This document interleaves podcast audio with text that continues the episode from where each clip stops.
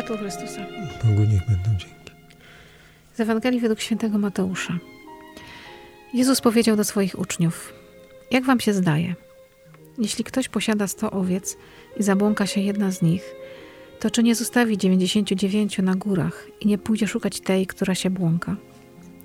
A jeśli mu się uda ją odnaleźć, zaprawdę powiadam wam, cieszy się nią bardziej niż dziewięćdziesięciu dziewięciu tymi, które się nie zabłąkały. Tak też nie jest wolą Ojca Waszego, który jest w niebie, żeby zginęło nawet jedno z tych małych. Oto Słowo Boże. Bogu niech będą dzięki. Witamy Was dzisiaj we wtorek em, grudniowy, kawowy, adwentowy. A dzisiaj o owieczkach, pasterzach, barankach i górach będę rozmawiać na kawie z Tomkiem. Cześć Tomku. Cześć mała, cześć. Słowo Boże o pasterzu i owcach. Często jak czytam ten fragment, to myślę sobie, że to jest nielogiczne. Zostawi się 99 owiec na górach i idzie się szukać jednej. No, my byśmy po ludzku tak nie przeliczali chyba tego. No jednak 99 ma większą wartość niż jeden.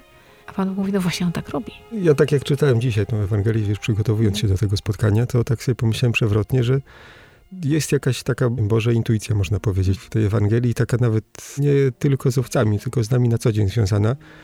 I ona jest rzeczywiście nawet naukowo, bym powiedział, potwierdzona. Jest taki noblista Daniel Kahneman, który robi badania nad stratami, zyskami takie psychologiczno różne. I on też potwierdził, że my się dużo bardziej cieszymy stratą, której unikniemy, niż zyskiem, który mamy. I ja tak sobie dzisiaj to przeczytałem, mówię, to jest Ewangelia o tym tak naprawdę. Nie? Pan Bóg nam mówi, słuchajcie, jak stracicie cokolwiek, no to jest oczywiste, że dużo bardziej się ucieszycie z tego, że tej straty nie ponieśliście, niż z tego zysku, który byście mogli ponieść. Że... Ta jedna odnaleziona owca jest konkretna. Tak, i my To nie się cieszymy. fikcja, nie? Nie wypadło nam z portfela, powiedzmy, nie utraciliśmy kogoś, nie? Ale teraz Mhm. ja tak sobie myślałem, to jest takie moje, przenosząc trochę to na nasze codzienne życie. Często jest tak, że coś tam się dzieje w naszym życiu i my często, zwłaszcza my Polacy chyba mamy taką naturę, dużo bardziej lubimy narzekać na to, czego nie mamy, niż się Mhm. ucieszyć z tego, co mamy, nie? Nie mamy takiego Mhm. odruchu, jest dobrze, nie wiem, bo mamy zdrowie, jest dobrze, bo mamy siebie nawzajem, jest dobrze, bo mamy co jeść, bo mamy gdzie mieszkać, tylko raczej jesteśmy tacy, o, bo znowu mam katar, bo coś tam jeszcze, bo, Bo dziecko grudzień, chore, bo deszcz bo pada, bo śnieg, bo, bo mróz. nie ma słońca, bo jest zła pogoda, bo w pracy ktoś nam nieźle powiedział. Nie zauważymy, że pięć razy dobrze powiedział, ale raz Mhm. coś złego się stało i jest bardzo źle jest. Trochę żyjemy taką fikcją, że będzie kiedyś taki stan, w którym będę wszystko mieć. A to jest nieprawda, bo zawsze będę mieć jakiś brak. Nawet Dokładnie. chociażby to, że ja jestem niedoskonałym człowiekiem i zawsze będzie we mnie jakiś brak. Ja czegoś nie umiem, czegoś nie potrafię. Wiesz, bo to jakie są konsekwencje tego? Konsekwencje są takie, że my często w życiu boimy się zaryzykować, boimy się iść z tymi owcami w góry i je wypasać, Mhm.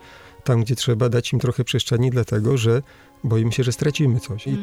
ten lęk przed stratą powoduje, że siedzimy, budujemy mury jakieś, oddzielamy Mhm. się od ludzi, uciekamy od świata, tak naprawdę szukamy bezpieczeństwa, a nie o to chodzi. Nie, nie o to chodzi, żeby trzymać te Mhm. owce w zagrodzie i je Tak, że nat- karmić naturą, paszą. Nie trzeba iść na te owiec tak, jest Nie? to, żeby pójść się wypasać, jak w górach. Kończył się Redek Jesienny w górach i czytałam w Gorcach wypowiedź jednego z pasterzy górali, który mówi, że kiedy widzi te owce idące w Redyku razem w stadzie, to mu się łezka wokół kręci.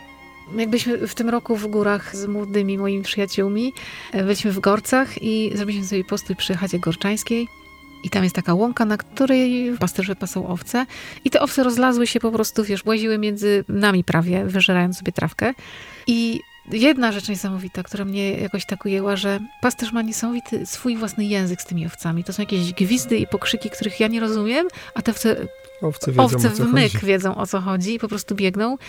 Teraz właśnie jak czytam tę Ewangelię, przypomniałam, że był taki moment, że niektóre owce jakby tak się zawieruszyły. One się nie zgubiły całkiem, ale się zawieruszyły, bo zbiegła gdzieś na dół, jakieś deski tam były, coś i, i na te głosy pasterza one reagują, ale ten pasterz też jakby patrzy po tych krzakach, tak, zagląda. A, wszystkie poszły, dobra, żadnej tu nie ma, żadna się nie zawieruszyła gdzieś na tym podwórku.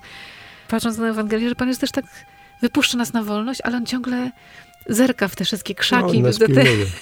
On nas pilnuje, dokładnie. Wylazłaś stamtąd dokładnie. już, czy jeszcze nie? Jak nie wylazłaś, to ja przed ciebie przyjdę. No ja bardziej tak patrzę też, to prawda. Mhm.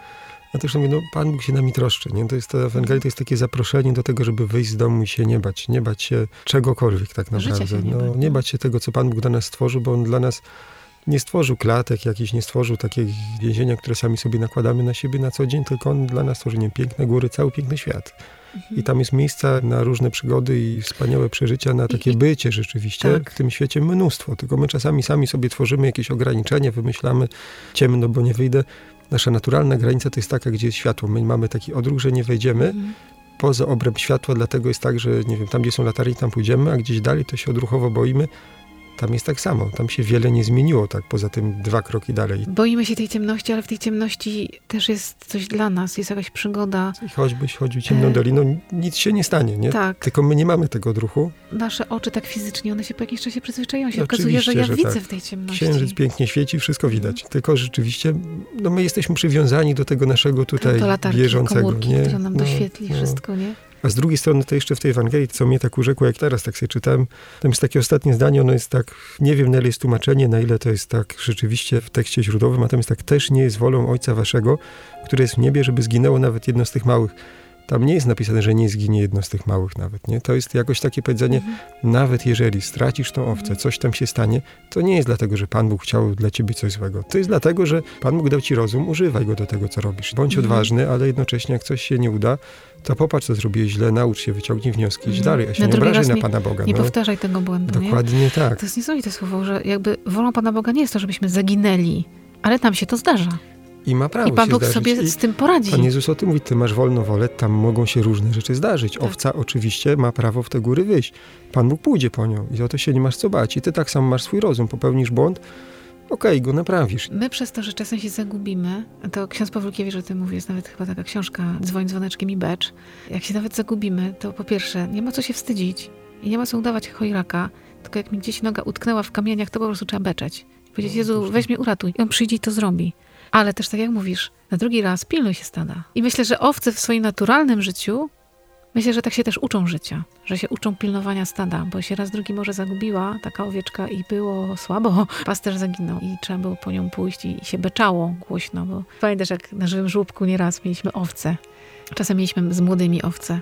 I czasami, no, jak wchodziliśmy do kościoła, było rozdzielić je trochę. Jak one wtedy Bardzo głośno beczały, a ja czasami udaję bohatera i nie będę się przyznawać do tego, że jest ciężko, że się zgubiłam. Nie wrzeszczę, Jezu ratuj, tylko mówię, wszystko gra, wszystko jest w porządku. No, do czasu, aż padniesz w jakiś zakamarek trudniejszy. Natomiast z drugiej strony, tak jeszcze myślę, jak ktoś, wiesz, stratę przeżyje jakoś, no to tak samo, no.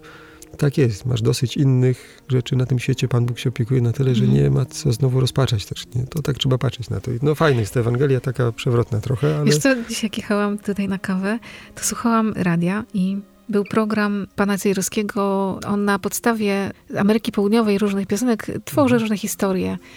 Facet zakochał się w kobiecie, ona rozkochała go w sobie, miłość wielka, a ona potem okradła go i w nocy uciekła do Wenezueli.